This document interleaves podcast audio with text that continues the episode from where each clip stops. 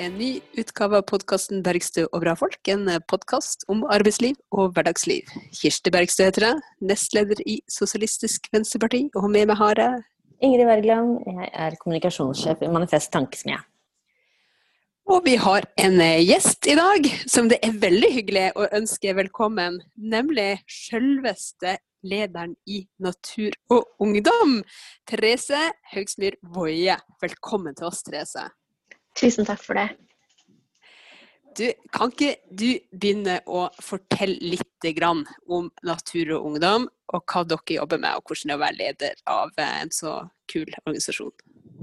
Ja, det kan jeg absolutt. Jeg har jo flytta til eh, Oslo for å holde på med dette. Bruk bruker å si den eneste godkjente grunnen for en nordlending å bo i Oslo, det er å, å være aktiv i natur og ungdom. Men det er det ikke alle som tar like bra. Men eh, jo da, det er jo den største eller, miljøorganisasjonen for ungdom i Norge. Stolt historie på, på 50 år. Og eh, ja, det viktigste med oss syns jeg er at vi har lokallag over hele landet som eh, jobber med ja, begrense utslipp, redde natur, ta vare på naturressursene og, og framtida eh, der de bor. Så det er jeg veldig stolt av at, at, selv i et år som dette, så har vi klart å, å holde opp aktiviteten i, i hele landet. Fra ja, Vardø og Nordkapp til Kristiansand. Masse, masse bra ungdom som, som, får til så mye bra, syns jeg. Og eh, det er jo altfor mange saker, miljøsaker å ta av. Så vi, vi har ikke blitt eh, permittert eller arbeidsledig under korona i det hele tatt. Mm. Jeg var med Natur og Ungdom da jeg var, fra jeg var ja, 13 år. Eh, og det, som du sier, jeg har lokallag i hele landet, også i, i, Bærum, hvor jeg vokste opp. da. Asker og Bærum NU. ABNU var min, eh, min store Le, le av det. Ja, det er en kjempefin forkortelse. Eh, og det som eh, gjorde at jeg ble veldig truffet av Natur og Ungdom, eh, var eh, jo slagordet som som jeg leste, som var eh, 'Hvis ikke du, hvem? Hvis ikke nå, når? Hvem skal redde verden?'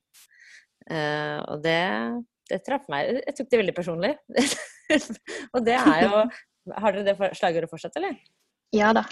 Vi har masse kurs, eh, sånn aktivistkurs kaller vi det, som er sånn alle nye medlemmer må bli med på det. Og der, der skremmer vi dem med, med, det slagordet, og så tør de ikke annet enn å fortsette å, å være med og bidra i organisasjonen. Veldig bra. Det høres effektivt ut. Ja, å føle, føle seg kald er viktig. Um, det, det, er veldig viktig. Men du sa at, at Naturungdom er 50 år? Ja, eller 53 er vi vel nå. Ja, over 53 mm. år.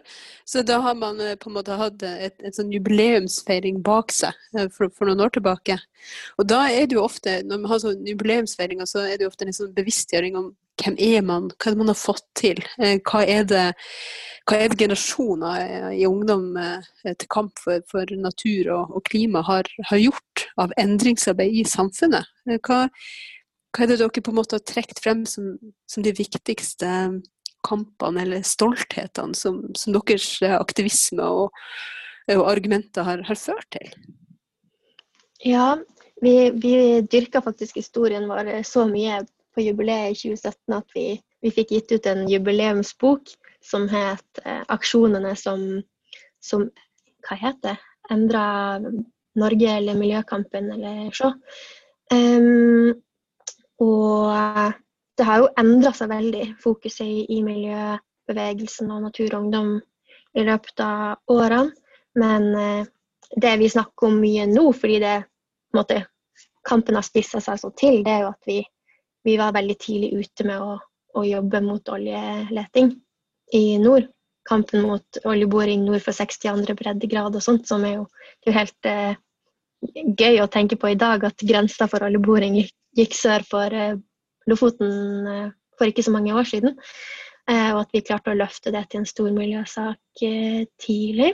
Har på en måte vært med på alle stegene av det norske oljeeventyret. Har, har Natur og Ungdom vært en klar stemme. Um, og så ja, tror jeg jo gasskraftkampen eh, virkelig har definert natur og ungdom. Eh, og sivil ulydighet rundt ja, de store sivile lydighetsaksjonene som blir skrevet om i den jubileumsboka, det har jo virkelig vært eh, ja, store, langvarige miljøsaker eh, vi har jobba med, som på en måte har spissa seg i sånne store sivile lydighetsaksjoner, bl.a. Mot, mot gasskraft. Mm. Hva var det som eh, var oppe på det årsmøtet du var på, Ingrid, i, eh, i, når du var utsendt for, for for ABNU? Ja, kan du huske det? Altså, jeg, var jo, jeg var jo 13 år, jeg hadde akkurat blitt med i det, det lokallaget, og så var det en som ble syk. Så da, jeg gikk da i det som den gang var 7. klasse, men nå 8. klasse, da, første år på ungdomsskolen, og fikk dra på dette møtet. Jeg skjønte ikke så veldig mye av det som skjedde. Altså, det, var, det, var litt, det var litt tidlig. Men jeg var med på revyen, det var veldig gøy. Men, eh, men, de kampene som jeg husker særlig sto i, i vårt lokallag, det var jo kampen mot utbyggingen av E18, eh, som drev skulle bli bygget ut. Det, det hm. stoppet vi Stadig vekk aktuelt? Det er veldig fortsatt aktuelt, 30 år senere. Mm. Og så kjempet vi også mot uh, utbygging av nye kjøpesentre. De var jo veldig bilbaserte. Så det resultatet var jo da Sandvika Storsenter, som kanskje er et av de Norges største kjøpesentre. eller sånn, Så det var også litt sånn mislykka forsøk. Og så husker jeg at vi drev og bakte boller som vi delte ut på bussen, for vi var opptatt av sånn positiv aksjonisme også. Det var veldig gøy. Men, men, dette var jo ja, sånn 93-94, da. Og da var jo Så det var jo veldig mye EU-kamp, da. Vi hadde jo veldig Vi jobba jo veldig mye med sånn ja, eh, å distribuere eller spre kunnskap om EU e som, eh, som veldig dårlig for miljøet. Da. Jeg husker jeg solgte sånne hefter som het EF og miljø, og EØS og miljø. Og, mm. Ja. De har vi fortsatt noen lagre av på kontoret. Jeg solgte veldig mange, altså. Jeg husker, ja. Nei, men det, men, eh, men det, er jo liksom Nå er det jo ikke så veldig mye for tiden EU-diskusjon EU i i, i, Norge, da. Men uh, det er jo mer EØS-diskusjon. Eh, men jeg husker det, det var jo Nastrono en veldig viktig, viktig kraft i den, i den kampen der. Mm. Er det gjenkjennelige saker Therese, fra de årsmøtene du har, har vært med på, og de, de kampene du har, du har, stått i? Ja, det kunne, det kunne vært et lokallag i dag, det, det du beskriver. Det er, det er mye noe kjøpesenter å, å jobbe mot, noe store veiutbygginger. Og, um, og EU-spørsmålet er jo det er jo noe vi har et veldig bevisst forhold til fortsatt. Noe vi diskuterer på egentlig hvert landsmøte hver eh, januar. Um, og da er det Ja.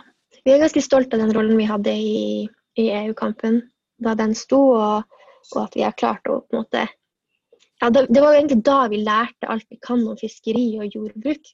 Og vi har klart å mm. holde den eh, kunnskapen i organisasjonen og holde liksom, det brennende engasjementet for eh, ja, naturressursene og matproduksjon i, i, organisasjonen, selv om det er veldig mange andre fokus som, som, kunne opptatt en miljøorganisasjon, så har vi klart å bevare det ja, gode dialogen og samarbeidet med jordbruk- og fiskeriorganisasjonene, som kom mye fra, ut av EU-kampen. Mm, men vi har jo som sagt da, diskusjoner hver, hvert landsmøte om om er det riktig at NU fortsatt står på denne sida. Det lander vi som oftest Nei, det lander vi alltid på med stort flertall. Mm.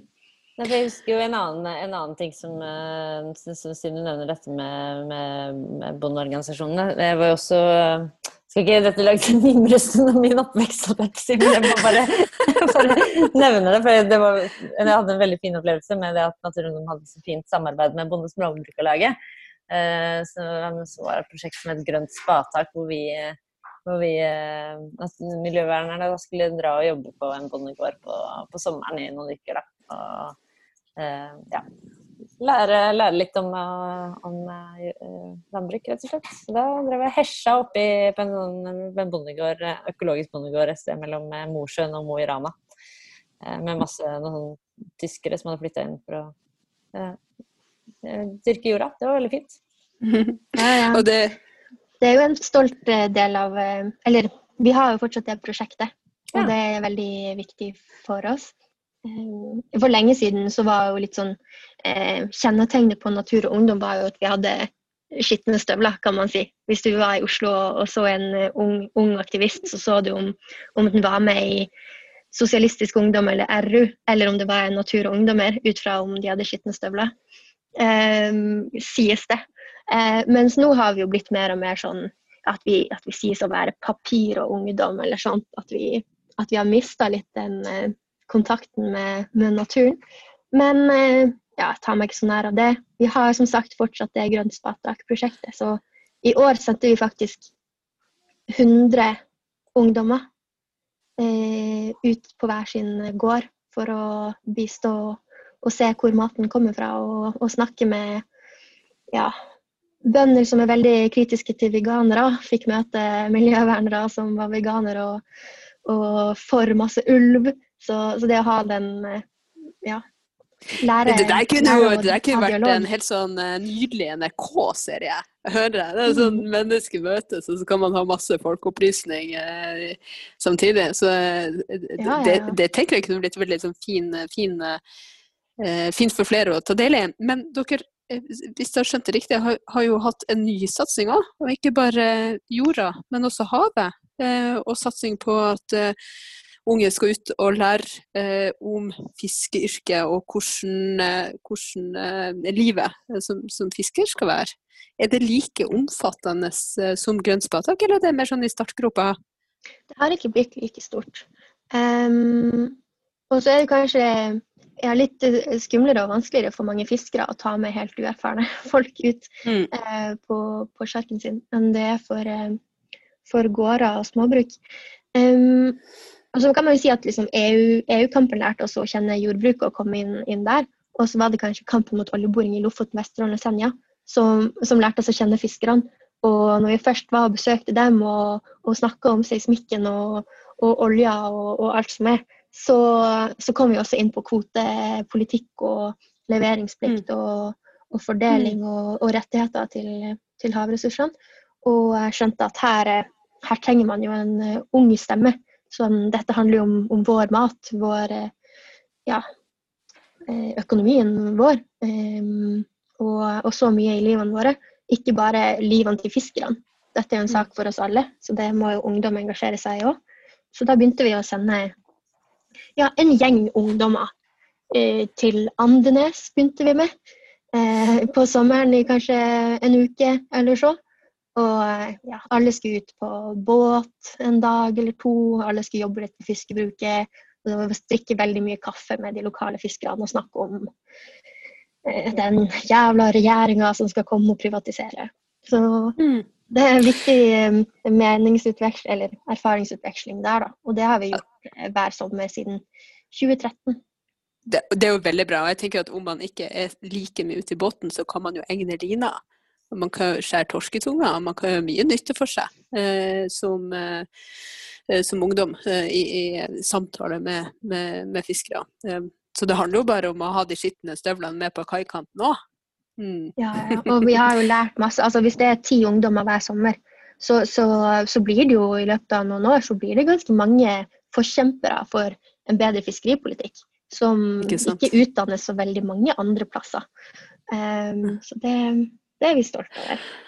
Men jeg tenker jo på det her med EU-standpunktet, og at det er en veldig levende debatt som du, du, forklarer at kommer opp hvert eneste år på landsmøtet i Natur og Ungdom.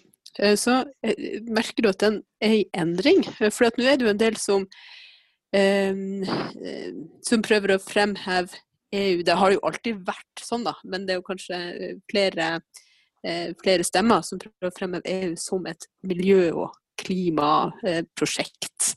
Eh, merker dere at det endrer debatten hos, eh, hos dere?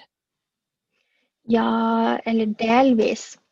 Mm, men så har jeg som sagt den debatten handla hos oss veldig sentrert rundt eh, rettigheter til ressursene. Mm. Eh, og ja, småskala lokal produksjon og, og eierskap. Eh, så vi har på en måte Det kommer alltid tilbake til det. At, ja. men, eh, men, det endrer jo veldig debatten om, om, EU, fordi det er jo flere og flere ungdomspartier og osv. Som, som, som blir forkjempere for EU-medlemskap av klimahensyn. Og det endrer jo veldig Vi må jo svare for oss på en helt ny måte på, på de mm. punktene nå. Um, men, men, der igjen så, så munner det jo ut litt for oss i at selv om EU gjør mye spennende på klima og um, har fått til en bedre plan enn en Norge, så, så, betyr det ikke at det er godt nok. Det betyr ikke at det hadde blitt eh, Norge hadde gjort det bedre hvis vi ble med i EU. Det betyr ikke at EU hadde blitt bedre hvis Norge ble med i EU. Um, så, så, selv om det burde være en selvfølge at en stor samling av, av vestlige land eh, hadde en viss nivå på klimapolitikken sin, um, det betyr ikke at Norge skal kaste sine ressurser ut av vinduet for å, å bli med på det. Vi har all mulighet til å føre en, en uh, mye mer ambisiøs klimapolitikk sjøl. Og hvis vi blir med EU, så mister vi muligheten til å heve ambisjonene på mange felt. Så, så vi, vi, ser ikke at vi må gi slipp på, på vårt standpunkt der for å, for å føye oss etter den, ja, den, nye bølgen som mener at EU ville gjort uh, Norges klimainnsats bedre. Mm. Det tenker jeg kan være veldig sånn eh, viktig eh, skolering for de som tar del i, i årsmøtene òg. Å få det perspektivet med demokrati og, og, eh, og ressurser. Men, men, eh, Therese, vi er jo nødt til å snakke om det her klimasøksmålet. Eh, som dere har lagt store, eh, kastet store krefter inn i, og som er veldig aktuelt akkurat nå. Kan ikke du fortelle litt Eh, om, om, historikken først. Hva var det som skjedde, og hvor står saka, nå? Ja, dette er jo eh, det mest spennende, eller det mest nyvinnende som har skjedd i miljøbevegelsen på, på lang tid. Eh, og har vært ordentlig gøy å få ta skikkelig stor del av da, nå når vi endelig i år har kommet helt opp i Høyesterett. Um, kan du ikke bare og, si litt fordømmes? Liksom, hva, ja, ja, ja. hva, er det jeg kan ta, jeg kan ta hele rekka. Um, det begynte jo egentlig i 2016. Det var da vi leverte stemninga. Vi, vi, gikk opp til staten og sa vi, vi saksøker. Uh, og det var fordi uh, regjeringa hadde lyst ut en ny uh, konsesjonsrunde. Det gjør de jo uh, ganske ofte, kanskje annethvert år. nye lisenser for oljeleting. Men det som var spesielt med 23. konsesjonsrunde, eh, det var at det var første gang man tildelte nye oljefelt i et helt nytt område. Og da var det det Barentshavet øst. Det hadde man ikke gjort på 20 år. Så da åpna man på en måte et nytt kapittel eh, i oljehistorien. Det var første gang man tildelte nye lisenser etter man hadde skrevet under Parisavtalen. Og man visste hvor mye av olja i verden som må bli liggende hvis vi skal holde oss under to graders oppvarming. Det var første gang man hadde et sånt karbonbudsjett å forholde seg til, um, mens man tildelte nye oljelisenser. Og det var også første gang man hadde en konsesjonsrunde som man eh, ikke lytta til noen miljøfaglige råd. Man kan på en måte lese her har vi regjeringa la ut forslag til kanskje det er disse områdene vi skal lyse ut. Um, og så kom det masse høringsinnspill fra Polarinstituttet, miljø, direktoratet, Havforskningsinstituttet at nei, det må dere ikke finne på, disse områdene må dere i hvert fall ha dere unna. Vanligvis har man fulgt, eh, lytta til noen av dem. Her hadde man bare streka over alle og, og, kjørt på alle lisensene. Så, så, det var jo Denne konsesjonsrunden skilte seg ordentlig mye fra, fra de, de, tidligere. Eh, og så kom den også da etter at Stortinget hadde forsterka miljøparagrafen i Grunnloven man har en miljøparagraf, paragraf 112, eh, som man i 2014 gjorde litt sterkere ved å si at eh, enhver har rett til et levelig miljø, og staten skal iverksette tiltak for å ivareta denne retten, også for etterslekten. En natur der produksjonsevne bevares, osv. osv. Mange fine ord. Eh, dette mener vi at det å tildele nye letelisenser, som er forskrekkelig av alle de grunnene jeg har sagt nå, men også legge til rette for oljeleting langt inn i framtida. Altså langt forbi der hele verden skal være i nullutslipp. Det mente jeg at det er det klareste bruddet på denne miljøparagrafen vi kan finne. Det er så mange grunner til at her har man gått over alle, alle grenser. Hvis det, hvis det, skal gå en grense for, for hvor skadelig politikk man kan føre for miljøet, så må det vel være her den går. Så da, da saksøkte vi den tildelinga, 23. konsesjonsrunde. Og når du sier vi, så, eh, så er det litt flere enn Natur og Ungdom vi snakker om? Det stemmer. Det, stemmer. det er Natur og Ungdom med Greenpace er på en måte hovedaktørene. Eh, og så har eh, Besteforeldrenes klimaaksjon og Naturvernforbundet kommet inn som sånne partshjelpere. At de, at de, de går formelt inn som støtter i saken eh, mot staten. Så det er på en måte staten og ved Olje- og energidepartementet som er våre formelle motstandere, som sitter på andre sida av bordet i, i rettssalen. Mm. Så da var vi nå i tingretten i 2017. Eh, der eh, fikk vi på en måte rett i mye ved at eh, tingretten sa at dere har rett i at denne paragrafen gir dere rettigheter, men vi syns ikke disse oljelisensene går over den grensa. Eh, så kom vi videre til lagmannsretten i, i fjor høst. Der eh, fikk vi enda på en måte eh, mer som gikk i vår retning, i at de sa at ja, paragraf 112 det gir rettigheter, selv om staten nekter for det. Og, og, prøver å slippe unna med at det er nok å ha én miljøpolitikk, det må ikke være god nok. så da, da fikk vi ganske, ganske mye med oss i lagmannsretten. Um, I tillegg til at lagmannsretten sa at uh, Norge har et ansvar for olje som forbrennes i utlandet. Så da er det jo på en måte Da er det ganske større utslipp det er snakk om i dette søksmålet, som vi kan si bryter Grunnloven, hvis man også må regne med utslippene som kommer av olja som forbrennes i utlandet. Så det, selv om vi på en måte tapte på at disse lisensene var At de blir ugyldige, vi fikk rett i mye på veien, men ikke den siste innspurten. Um, så, så, hadde vi imot nok til å gå videre til Høyesterett nå i år. Og der har vi nettopp gjennomført uh, to uker i, i rettssalen uh, med 16 høyesterettsdommere. Og, um, og jeg syns det har gått enda bedre i, i selve saken, i, i, hvordan våre advokater har lagt fram saken, enn en noen annen runde. Og, så det har vært ordentlig gøy å, å følge med på. Og det har vært mye oppmerksomhet rundt denne runden i, i rettssalen også. Eh, da vi begynte i 2016, så, så møtte jo liksom de fleste avisledere og, og journalister og, og, jurister rundt omkring. De sa jo bare at dette var bare tull.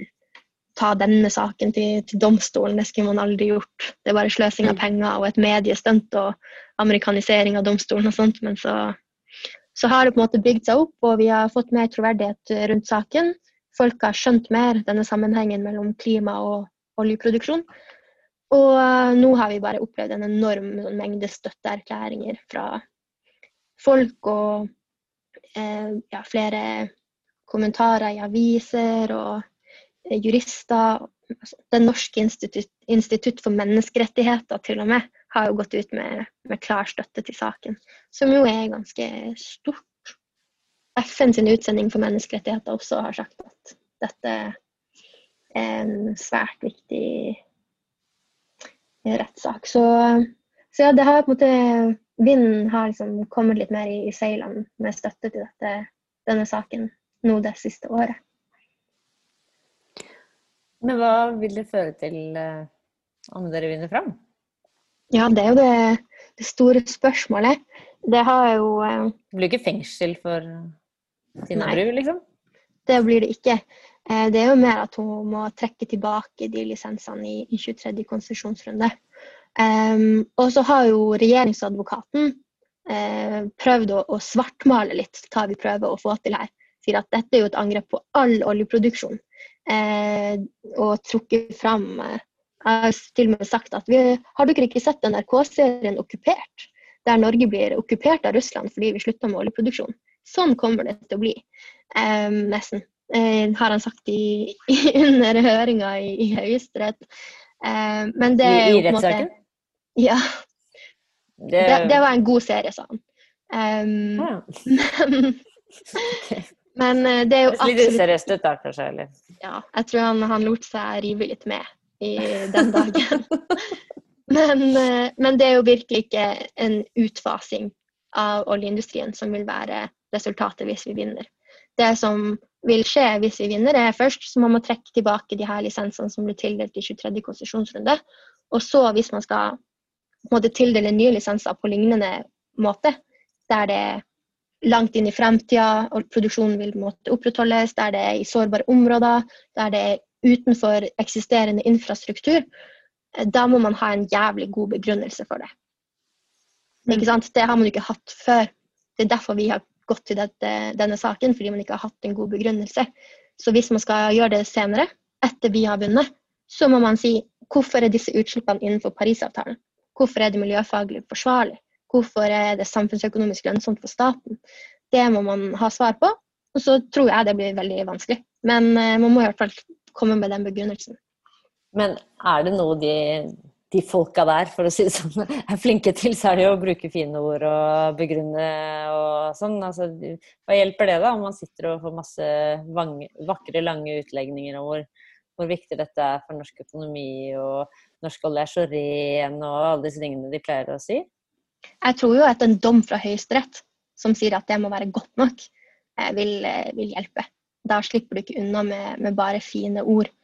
Um, så jeg tror absolutt det vil bli mye vanskeligere. å, å når man vet at vi har en miljøparagraf i Grunnloven som vi har presedens i domstolen på at kan sette grenser for oljeproduksjon, eh, det tror jeg absolutt vil, gi en endring i praksis, ikke bare i, i, hvordan fine ord man må bruke i en tildeling. Mm. Mm. Tenker du at man risikerer det motsatte? Eh, det, det, har vi tenkt mye på. Vi har tenkt sånn mm om vi taper, og, og, plutselig blir det mye lettere å, å, å slippe unna med oljeleting og sånt. Men, men vi har jo egentlig landa på at den miljøparagrafen i Grunnloven har jo ikke betydd noe som helst. Det er ikke sånn at vi hadde hatt flere oljeplattformer i Barentshavet hvis vi ikke hadde hatt den paragrafen i Grunnloven. Den har, staten mener jo at den ikke betyr noe som helst i dag. At det er ingen rettighet. Den gir ikke staten noen plikter. Den setter ingen grenser for hvordan politikk som kan føres. Eh, den har ikke gitt oss noe rettsvern for naturen eller vår framtid i det hele tatt. Så, så, om vi på en måte taper, og den ikke blir verdt noe i framtida heller, eh, etter denne saken, så, så, vil ikke det endre noe for Det blir ikke det grønt lys for produksjonen av, av olje, tror jeg. Så, så da betyr jo bare det at vi må bruke vi må fortsette å bruke tid hvert år på å jobbe mot de her konsesjonsrundene. Og, og, det tror jeg vi klarer. Jeg tror virkelig at eh, vi har fått mye mer momentum i arbeidet mot fortsatt høy oljeleting nå enn det vi hadde før. Det er bare at det vil ta litt lengre tid å sette den bremsen på enn hvis vi ikke hadde klart det gjennom denne rettsrunden. Så nei, jeg, er egentlig ikke redd for at, at, at tap i denne saken vil, vil gjøre vernet for natur verre. Eller vernet på klima eller natur verre enn det det er fra før av. Mm. Noen har jo eh, tatt ordet for at det her, eh, som du også sa, at man, man, sa at det her blir en sånn amerikanisering av eh, eller kanskje som vi vil sagt i den norske debatten, en sånn jussifisering eh, av, av politikken. Eh, hva, hva, tenker du om, om, det? Jeg tenker det er en litt sånn rar måte å se på maktfordeling i samfunnet, rett og slett. Eh, for det er jo Altså, den paragrafen vi bruker i Grunnloven, den står i menneskerettighetskapittelet. Om, og menneskerettigheter og lover, det handler jo om å begrense makta til politikerne. Det er noen grenser de ikke kan gå over. Og den, den paragrafen har jo aldri blitt prøvd i, i, domstolen. Det er jo helt vilt å ha en rettighet som, som man aldri har måtte, Domstolene har gått inn og, og sjekka om, om, politikere holder seg innenfor dem. Eh, så det syns jeg er på tide at, at, den miljøparagrafen blir brukt. Eh, og at ja, man har en, en prøvingsrett. Domstolen kan prøve alle vedtak opp mot lovene som politikerne har eh, vedtatt sjøl og sagt at de skal holde seg til. Så jeg, jeg er mer på en måte bekymra for at, at, det er så få saker i domstolen som handler om natur og miljø og, og naturressurser osv. Um, um, fordi det, det, er dyrt å gå til sak, det, det er tidskrevende. Jeg tror det er veldig mange miljøsaker som og utbygginger og, store klimagassutslipp som ikke hadde vært der hvis, hvis flere hadde hatt mulighet til å ta saker til retten. Fordi vi har mye miljølovgivning i Norge som, som ikke blir brukt noe særlig i domstolen, og ikke domstolen prøver om politikerne holder seg, seg innafor. Så jeg syns det er på tide med litt rettsliggjøring av, av miljøpolitikken. Da, fordi vi, vi har eh, ja, som sagt mye, mye, bra lover og mange dårlige vedtak. Mm. men, eh, men, når faller dommen, da? Det hadde vi håpa at høyesterettsdommerne skulle si på siste dagen i retten. Det hadde de sagt at vi skulle komme med et anslag. Men det, det gjorde de ikke, så nå lever vi litt sånn dag til dag og lurer på om vi får en dato snart. Men, eh, men de skal bruke god tid. Det er jo en, en, plenumsbehandling, som jo jeg må få sagt hvor stas det er. Mm. Det, det, høres jo ikke så stas ut når man bare hører ordet. Jeg ante ikke hva det betydde når vi fikk et brev om at deres sak skal opp til plenumsbehandling i Høyesterett. Vi tenkte jo bare yes, vi skal til Høyesterett. Det er helt sjukt. Det er ikke alle saker som slipper inn der. Eh, for en anerkjennelse. Men eh, når vi lærte da at plenum betyr at alle høyesterettsdommere skal på saken din, um, det gjøres bare kanskje én gang annethvert år i særlig prinsipielt viktige saker for staten. Uh, så det er jo ordentlig stas. Men uh, mange dommere, mange diskusjoner, lange utredninger.